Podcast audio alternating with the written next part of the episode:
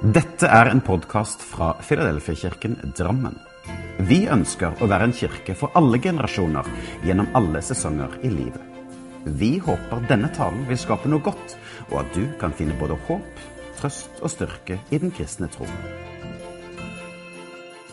Les mer om vår kirke på filadelfiadrammen.no.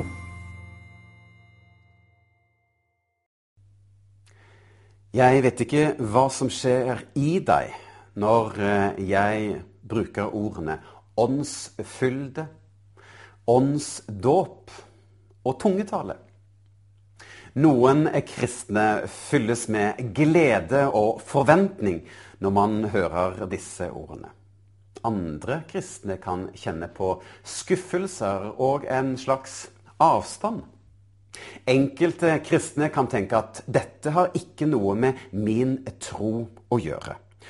Og eh, jeg fornemmer òg at det er noen som sitter med dårlige opplevelser og vonde erfaringer i forhold til dette. Så er dette med åndsdåp, tungetale, noe som er framprovosert av mennesker, eller er dette Gud selv? Jeg har kalt min preken for åndsfylde, åndsdåp og tungetale. Og la meg starte å hente opp noen punkter fra min forrige preken som jeg hadde, som jeg kalte for 'Hvem er Den hellige ånd?' For i dag så bygger jeg videre på den preken. Og har du ikke fått den med deg, så anbefaler jeg å lytte til den først. For i min preken så delte jeg noen tanker rundt hvem Den hellige ånd er. At han er vår trøster, advokat, rådgiver og hjelper. Men la meg oppsummere litt av det jeg sa, for å vise dette grunnlaget før vi skal gå videre i denne preken. For jeg fortalte at Den hellige ånd er vår trøster. Ja, for han er Guds nærvær som gir deg indre fred når livet stormer. Han er den som gir deg omsorg og støtte når livet butter imot. Han er kraft som støtter deg i det utfordrende som du måtte gå gjennom. For hos Gud, gjennom Den hellige ånd, så finner du det du trenger til ditt daglige liv. Og Jeg fortalte òg at Den hellige ånd er advokat. Ja, både vår advokat og Jesu advokat. For Den hellige ånd vitner om Jesus. For vi kan kjenne på ulike former av Guds nærvær. Og det er Den hellige ånd som nettopp vitner da om Jesus Kristus. Samtidig så er òg Den hellige ånd Guds advokat, som overbeviser om synd og rettferdighet og dom. Og til slutt er òg Den hellige ånd vår advokat imot den onde. Ja, for Den hellige ånd den fyller oss med himmelske sannheter når den onde er ute for å kaste på oss løgntanker. Så Den hellige ånd er vår trøster og advokat, men han er òg vår rådgiver. For Den hellige ånd er den som gir oss innskytelse og veiledning. Når vi er usikre på veivalg eller retning, så kan vi henvende oss til Gud, og Den hellige ånd vil gi oss svar.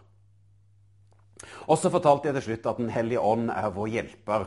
At han på sett og vis er en som arbeider bak i kulissene for, å, for at vi kan få lov til å gå i ferdiglagte gjerninger.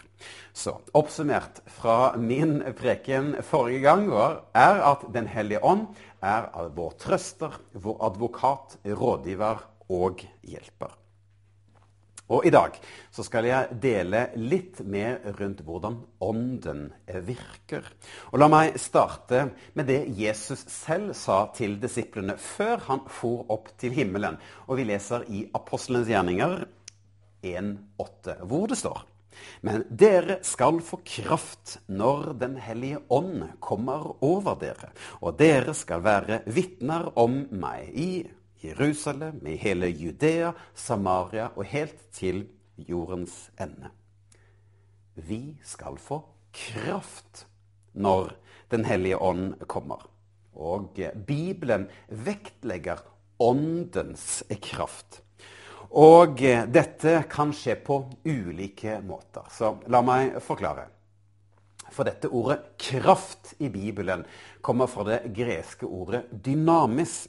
Og det refererer til Guds kraft som blir synliggjort i mirakler, men også Det kan bety Guds evne til å handle. Ja, Guds kraft er grenseløs, og det kan utføre mirakler, tegn og under, nettopp fordi at ingenting er umulig for Gud.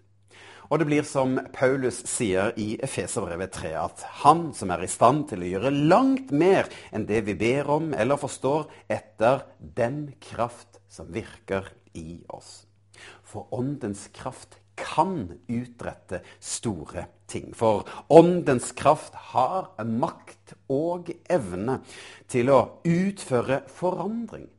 Og ånden gir oss kraft til å gå ut med det gode budskapet. Og denne siden det handler om frimodighet og styrke og kraft og klokskap og djervhet til å gå ut med det gode budskapet. Men en annen form for denne kraften er hvordan Gud overnaturlig kan helbrede, gjøre tegn og under, sette mennesker fri, løse onde krefter og avsløre løgntanker. For åndens kraft kan også bety å seire over fristelser og det den onde som kommer mot oss. Men òg kraft til å helbrede våre indre sår. Åndens kraft kan òg være evnen til å kunne tilgi. Det kan òg være kraft til å forandre liv. Og åndens kraft den kan òg manifestere seg med Guds nærvær iblant oss. Så alt dette handler altså om en åndelig dimensjon i livet. Et rikere kristenliv. Og man inviterer altså Gud gjennom Den hellige ånd til å virke og til å påvirke vårt indre.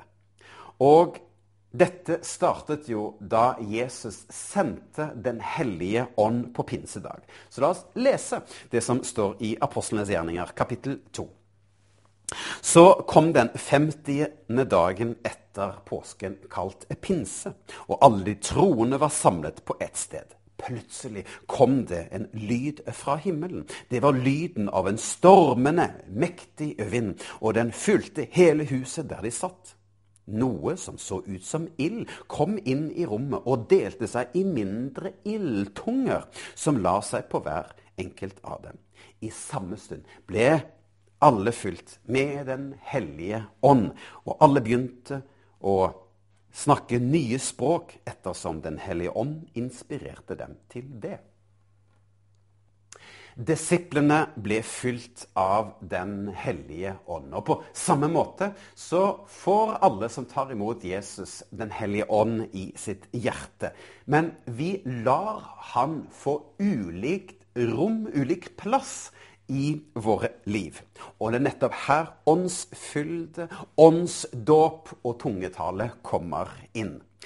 Og i boken vår, 'Den hellige ånd i vår tid', så løfter vi fram denne tematikken.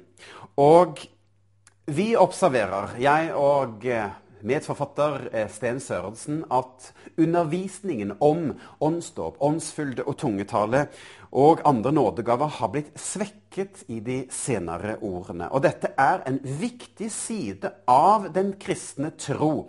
Og vi må stadig undervise og løfte denne tematikken opp. For det er noe med denne åndsdimensjonen i kristenlivet som gjør kristenlivet rikere. Men først, la meg adressere en viktig ting med en gang. Dette med Den hellige ånd det er ikke noe utenomjordisk som tar kontroll over den kristnes liv eller manipulerer med opplevelser eller følelser. For Bibelen sier at ånden gir oss selvbeherskelse, eller selvkontroll, som enkelte engelske og bibeloversettelser bruker. Bare hør hva som står her i 2. Timoteus brev, kapittel 1, vers 6 og 7. Derfor vil jeg oppmuntre deg til å fortsette å bruke den nådegaven og de evnene som Gud ga deg da jeg la hendene mine på deg. Ånden vi har fått fra Gud, gjør oss ikke redde og motløse. Nei, den gir oss kraft, kjærlighet og selvbeherskelse. Den hellige ånd gir oss altså kraft, kjærlighet og da selvkontroll. Og Den hellige ånd er en gentleman som inviterer seg selv til å påvirke våre liv. Han er ikke en som tvinger seg på, ei manipulerer deg. Og han ønsker å lære deg og minne deg om hvem Jesus var, hva han gjorde, hva han står for, og det han gjør. Ja, slik vi leser i Johannes evangelium kapittel 14 vers 26. Og Den hellige ånd kom altså med kraft, som vi allerede har vært inne på. Men han kom også med kjærlighet. Og Den hellige ånd skaper altså kjærlighet til Gud, men òg kjærlighet til våre medmennesker. For når Ånden stadig får påvirke oss, og troen den modnes og vokser, så blir vi mer og mer lik Jesus. Ja, Bibelen bruker ordene 'åndens frukter'. Ja, og åndens frukter er det som vokser fram når vi er i berøring av Gud. Og så var det dette det siste ordet, dette med selvbeherskelse, selvkontroll. Og når Ånden får ta større plass i våre liv, så vokser selvkontrollen. Ja, for vi står stødigere i troen, og Ånden den hjelper oss til å få en større innvendig kapasitet. Så la meg se litt nærmere på dette med åndsdåp. Og i boken vår, 'Den hellige ånd i vår tid', så skriver jeg en definisjon, en mulig definisjon på åndsdåp. Hør på dette. Åndsdåpen er en konkret hendelse hvor Gud kommer med sin kraft og lar den kristne få erfare Den hellige ånd på en rikere og sterkere måte. Som en følge av åndsdåpen så skapes en økt kjærlighet til Gud og en brann for menighet og misjon. Tungetalen kommer som et resultat av åndsdåpen med umiddelbar virkning eller voksne fram over tid. Åndsdåpen er gjerne en hendelse for seg selv, atskilt fra frelsen, men kan også være en del av frelsesopplevelsen. Slik skriver vi dette i boka vår. Og åndsdåp er altså en konkret hendelse hvor Gud for første gang gir seg til kjenne med sin kraft og kjærlighet og tilstedeværelse. Og dette kan oppleves ulikt fra person til person. Noen de opplever dette som et steg nummer to, at ja, man ble frelst en gang. Men senere på et tidspunkt så blir man bedt for, og da får man en større, dypere dimensjon, en ny dimensjon i kristenlivet. Man døpes i Den hellige ånd. Men her er det òg viktig å utvide forståelsen av hva åndsdåp er. For jeg mener at dette kan òg for noen være det samme, samme opplevelse som ved frelsesopplevelsen. Og det finnes ikke noe fasitsvar eller noen mal på hvordan dette skjer.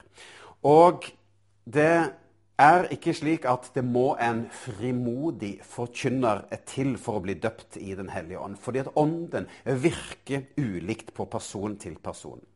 Jeg er kanskje mest opptatt av resultatet av åndsdåpen, ikke nødvendigvis hvordan det skjer. For ja, det kan være en herlig opplevelse å bli døpt i ånden, men resultatet er så mye viktigere å snakke om. For følelser er vel og bra, men vi skal ikke bygge vår tro på følelser. For det blir en strevsom reise. Som en følge av åndsdåpen så skapes en økt kjærlighet til Gud og en brann for menighet og misjon. Altså, jeg tror at Guds intensjon med åndsdåp er et rikere liv med Gud, som òg skaper en brann for Hans rike. For åndens liv er jo ikke kun ment som personlig oppbyggelse, men en personlig oppbyggelse som øker oppmerksomheten på det Gud gjør i verden. For åndens verk det handler jo om å koble seg på Guds agenda. Og det er her tungetalen kommer inn som et redskap for å koble seg på Gud. Tungetale. Tungetale det er et åndelig, kodet og hemmelig bønnespråk, hvor man taler med Gud med ord man selv ikke forstår. Og egentlig er tungetale ganske naturlig. Selv om det kan føles unaturlig. Fordi at Gud er ånd, men likevel nær. Den hellige ånd er usynlig, men likevel til stede. Gud er åndelig. Guds rike er åndelig. Frelsen er åndelig. Og selvsagt må det da òg finnes et åndelig språk. Språk, ja. ja for, for Bibelen løfter jo dette fram igjen og igjen. I Bibelens første side, på skapelsesberetningen, så leser vi at Gud sa det ble lys og det ble lys. Eller ordene fra Johannes-prologen som sier I begynnelsen var Ordet, og Ordet var hos Gud, og Ordet var Gud. Ordet og, eh, ordet og språket er sentralt. Og min intensjon det er å kunne åpne opp forståelsen for hva tungetale er, og hvordan man kan få dette. For tungetale er altså et åndelig og et hemmelig bønnespråk, hvor man taler med ord som man selv ikke forstår. Ja, tungetale er å tale hemmeligheter i sin ånd. For Bibelen sier i 1. Korinter kapittel 14. For hver den som taler i en tunge, taler ikke for mennesker, men for Gud. For ingen forstår ham, men han taler hemmeligheter i ånden. Samtidig er tungetale til egen oppbyggelse. Den er fri for løgner, maktkamp og intriger. For det er Guds ånd i oss som ber. Og vi kjenner ikke ikke innholdet, men man kobler seg på Guds usynlige og Guds åndelige verden. For tungetale er et åndelig språk som eh, har òg kreative impulser. Så når vi selv ikke vet hva vi skal be om, så kan altså Ånden i oss be etter Guds vilje. Og 1. Korinterbrev 14 sier den som taler i tunger, bygg, oppbygger seg selv. For tungetale er en gave fra Ånden som er til oppbyggelse for den enkeltes indre, men òg oppbyggelse til Kirken. Og Jeg skal ikke gå inn i det landskapet nå med hvordan tungetale skal praktiseres i menighet. Det får bli en, en annen gang. Men tungetale er et åndelig språk hvor man taler hemmeligheter med Gud. Og noen er kristne. De opplever altså dette med tungetale som fremmed og som ukjent. Og noen kan nok òg oppleve dette som et ganske ukjent landskap. Jeg tror at tungetale er tilgjengelig for alle.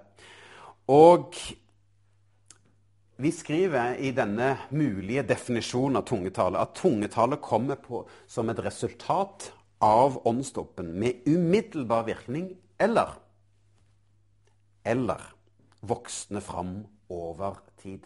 For åndsdåpen er gjerne en hendelse for seg selv, men det kan òg være en del av frelsesopplevelsen. For mitt ønske det er å vise at dette kan romme så mye mer enn kanskje det vi har tenkt før. For ånden er, kan virke ulikt på ulike mennesker. For ånden responderer gjerne i form av vår personlighet. Og ingen av formene er noe bedre enn de andre. Men noen har en sterk opplevelse med eh, ånden i sin oppvekst, men andre har få opplevelser. Og det er òg en sannhet å si at her er det et ulikt landskap. Man kan òg være troende med å ha få åndelige opplevelser. Og noen kan altså oppleve åndsdåp som en del av eh, frelsesopplevelsen. Og for eh, mange så gjelder det imidlertid at man har blitt døpt i ånden ved at noen har lagt hendene på, på skulderen, og man har eh, blitt bedt for, og ånden kommer. Og det kan eh, føles som en sterk ild som brenner på innsiden, eller en enorm gledesfølelse, eller å bli fylt med en intens kjærlighet. Mens andre har ikke opplevd så sterke følelser i åndsdåpen. For enkelte mennesker er jo mer følelsesladet enn andre, og vil muligens oppleve åndens dåp sterkere og på en emosjonell måte. Mens andre har ikke det samme følelsesregister, og derfor kan da åndsdåpen se annerledes ut. Samtidig så vil jeg òg si at åndsdåpen kan vokse fram over tid. For jeg tror at dette òg er vanlig. At man har blitt åndsdøpt, men man har ikke enda begynt å bruke det Gud har gitt. Og derfor så vokser det fram over tid. Og jeg vet at dette med åndsdåp og tungetale kan være litt ømfintlig for en del kristne. Ja, her har det nok blitt en opplevelse av å være taper, eller en slik nest best-følelse. Eller man har kjent på nederlag. For man har kanskje blitt bedt for, og så har man ikke kjent noe. Man har ikke fått denne ekstra følelsen, eller man har ikke fått tungetalen. Og til deg så har jeg lyst til å si at eh, Gud har kanskje allerede gitt dette til deg. Det er bare at eh, du har ikke åpnet opp for dette enda. Og for meg selv har dette òg vært en personlig reise. Men jeg har funnet at tungetalen det er noe som jeg kan lene meg inn til som en naturlig del av mitt eh, kristenliv. For når jeg skal inn i ting som jeg er spent for, eller kjenner kan være litt nervøs for, eller litt usikker, eller at det hviler et tungt ansvar, da tyr jeg gjerne til tungetale. Eller hvis man kan være litt, litt nede, litt tom for ord, så kan òg tungetalen være en fin måte å be på. For det er jo ikke ordene eller uttalelsen som er viktig, for tungetale er som sagt åndelig. Det er altså en bønn fra mitt indre som jeg ikke kjenner innholdet på. Men denne bønnen er fra mitt hjerte og til Gud. Og han tar imot det som kommer. Om dette er enkelte ord eller bare få setninger, så tar Gud dette imot. Siden dette er en bønn som er dypere enn det som du og jeg forstår. Så åndsdåp og tungetale det hjelper oss å lene oss inn i det Gud gjør i verden. Det handler ikke om å fremme seg selv eller vise seg fram, men å åpne opp for at Ånden kan virke i oss og gjennom oss. Og åndsfylde er nettopp dette. Det å bli fylt med Ånden. Og det kan se ulikt ut, og det kan både være før og etter en såkalt åndsdåp. Så er du mer nysgjerrig på dette, så søk Gud. Ja, be om at Ånden skal virke sterkere i deg, og skal vokse i deg. Og velg da òg en kirke hvor du kan lene deg inn, som gir næring og vekst til ditt kristenliv. Så la meg lyse velsignelsen helt til slutt. Herren velsigne deg og bevare deg. Herren la sitt ansikt lyse over deg og være deg nådig. Herren løfte sitt åsyn på deg og gi deg fred.